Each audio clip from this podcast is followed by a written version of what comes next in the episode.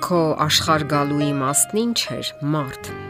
Այս ռետորական հարցը պատկանում է Օմար Խայամին, իսկ Սողոմոն իմաստունը գրում է. Ով գիտի թե կյանքում ինչն է լավ մարդուն իր ունայն կյանքի սակավաթիվ բոլոր օրերի մեջ։ Որն է իմ կյանքի իմաստը հարցին հաճախ տալիս են մակերեսային ու թեթևամիտ պատասխաններ։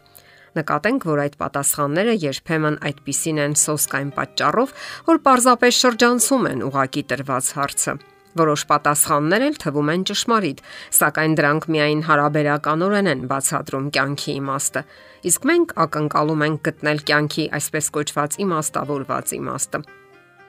Եվ այսպես, ոմանց կարծիքով կյանքի իմաստը հանրության համար ապրելու մեջ է։ Շատերն իրենց կյանքի իմաստը տեսնում են ժողովրդին, ազգին կամ էլ ընդհանրապես ամբողջ մարդկությանը ծառայելու մեջ։ Թույլ տվեք հարցնել. Իսկ ինչի համար է գոյատևում ազգը կամ մարդկությունը, որն է նրա կյանքի իմաստը։ Այս պատասխանը հարցի པարս շրջանցումն է եւ չի պատասխանում որն է քո կյանքի իմաստը հարցին։ Ի վերջո ազգն էլ մարդկությունն էլ կարող են գոյատևել քեզանից հետո եւ դժբախտաբար առանց քեզ Նորից լսենք ամենաիմաստուն մարդու Սողոմոնի խոսքը։ Մարդն ինչ օգուտ ունի իր ամբողջ տքնանքից, որ կրում է արեգակի տակ։ Մի սերունդ գնում է եւ մի սերունդ գալիս է, բայց երկիրը հավիտյան կմնա։ Նախկինների հիշատակը չկա, հետինների մասին էլ, որ գալու են, հիշատակ չի լինելու նրանց մեջ, որ հետո են գալու։ Աստվածաշունչը պնդում է, որ սերունդներն էլ, մարդկությունն էլ այսպես չեն հարատևելու ընդմիշտ Դրան համահունչ են Թումանյանի խոսքերը։ Եվ ինչն է հաստատ աշխարի վրա։ Աշխարում հաստատ մի բան կամենակ, այն է, որ հաստատ ոչ մի բան չկա։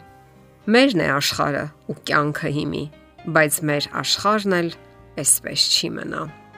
Ոմանք կարծում են, որ սեփական պարտքը կատարելու մեջ է կյանքի իսկական իմաստը։ Նախ, պարտքը հարաբերական հասկացություն է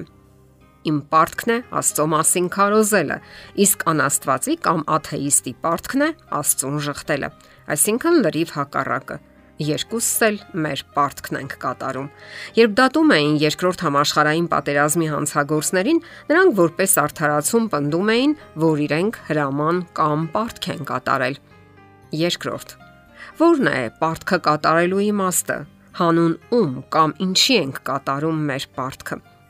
Մի գրասենյակային աշխատող մի անգամ ասաց. Ես օրերով փաստաթղթեր եմ արտագրում, սակայն եթե դրանք բոլորն այրվեն, միևնույնն է, կյանքը կշարունակվի։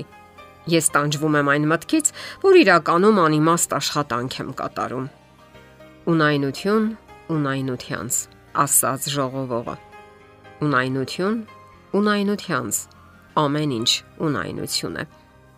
Սողոմոնի այս թևավոր դարձած խոսքը նշանակում է, թե աշխարհում ոչ մի հիմնավոր բան չկա, ամեն ինչ դատարկ է ու անցողիկ։ Բարարանում գտնում ենք ունայնություն բառի բացատրությունը։ Ունայն դատարկ, փուչ, անարժեք։ Վաղանցիկ, անկայուն, ոչ մնայուն բան, վաղանցիկություն, անցողականություն։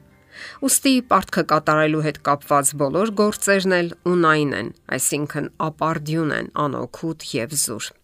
Կյանքի իմաստը հետագա սերունդների համար ապրելն է, ասում են շատերը։ Մեր նախապապերից շատերն են իրենց կյանքը նվիրաբերել երեխաներին ու թորներին։ Նրանք իրենց կյանքի իմաստը տեսել են սերունդների բարօրությանը ծառայելու մեջ։ Մեզ հանրածանոթ հին օրհնություն բանաստեղծությունը Թումանյանի այսպես է հնչում. Ապրեք երեխեք, բայց մեզ պես չապրեք։ Ուր են հիմա տխրության թե քեֆի ժամին այս օրնանքը կարդացողներն ու ստացողները։ Ավաղ ժամանակ անցավ, նրանք էլ անցան։ Ժամանակ կանցնի եւ մենք էլ կանցնենք հերթով գալիս անց ենք կենում այս անցավոր աշխարից։ Եթե չգիտենք, թե ինչի համար են ապրել մեր նախնիները, ապա այդ կյանքերին արժե ավելացնել մի անիմաստ կյանք եւս։ Եթե մի մարդ 100 ворթի ծնի եւ շատ տարիներ ապրի եւ նրա տարիների օրերը բազմաթիվ լինեն ու նրա անձը չկշտանա բարիքից եւ նա թաղում էլ չունենա, ես ասում եմ, որ վիժվածը նրանից լավ է որովհետև նա ունայնությամբ է գալիս եւ խավարով գնում ու խավարով է ծածկվում նրա անունը դարձյալ կարդում ենք ժողովողի գրքում։ Աշխատանքի մեջ է կյանքի իմաստը։ Սա շատ շատերի կարծիքն է։ Զարգացած սոցիալիզմի ժամանակներում թերթերում կարելի էր կարդալ արդեն կաղապար դարձած այսօրինակ մահախոսականներ։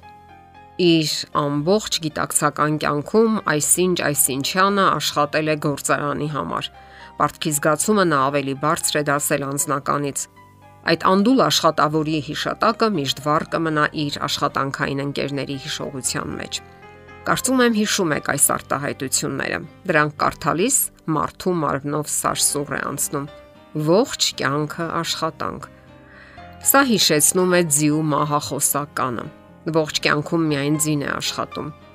Ես չեմ հավատում, որ մարդը երկրի վրա ապրում է միայն աշխատելու համար։ Դա թշվառ, ողորմելի եւ ամբովանդակ կյանք կլիներ։ Չնայած այդպես հաճախ է պատահում, սակայն դրա մեջ չէ կյանքի իմաստը։ Աստծո մարդը Մովսեսը ասում է. Արթարև մեր բոլոր օրերը փչանում են քո բարկությունից։ Մեր տարիներն անց են կացնում մի հառաչանքի պես։ Մեր տարիների օրերը 70 տարի են, եւ եթե զորությամբ 80 տարի էլ լինեն, նրանց լավագույն ժամանակը աշխատանք է ու ցավ, որովհետև նրանք շուտ թրջում անցնում են եւ մենք ենք թրջում։ Նրանց լավագույն ժամանակը աշխատանք է ու ցավ։ Մեր կյանքը լեցուն է ցավով, որը իմաստազրկում է այն։ Կյանք են գալիս ցավով, հեռանում ենք ցավով։ Այս կյանքին հրաժեշտ տված յուրաքանչյուր անհատի անցած ճանապարհի ճշգրիտ բնութագիրն է. ծնվեցավ, մեծացավ, ամուսնացավ, հիվանդացավ, մահացավ, թաղվեցավ, մոռացվեցավ, վերջացավ։ Ցավ, ցավ, ցավ։ Վերջացավ։ Կյանքս մաշվեց, վերջացավ։ Ինչ հույս արի փուչ ելավ, ինչ խնդություն, վերջը ցավ։ Կրկին հիշում ենք Թումանյանին։ Ես տեսա այն բոլոր գործերը, որ գործվել են Արեգակի տակ, եւ բոլորն ահա ունայնություն էին եւ քամուն հետապնդում, ասում է ժողովողը։ Քննարկելով կյանքի իմաստի 4 տարբերակները մենք տեսնում ենք, որ կյանքի անցողիկության պատճառով դրանք անիմաստ են դառնում։ Սակայն կյանքն անիմաստ չէ, պարզապես պետք է իմաստը գտնել։ Իսկ մինչ այդ մխիթարվենք Հիսուսի խոսքերով, որոնք հույս են տալիս։ Ես եկա, որ կյանք ունենան եւ առատ կյանք։ Կյանքի իմաստի մասին մտորումները կշարունակենք հաջորդ հաղորդման ընթացքում։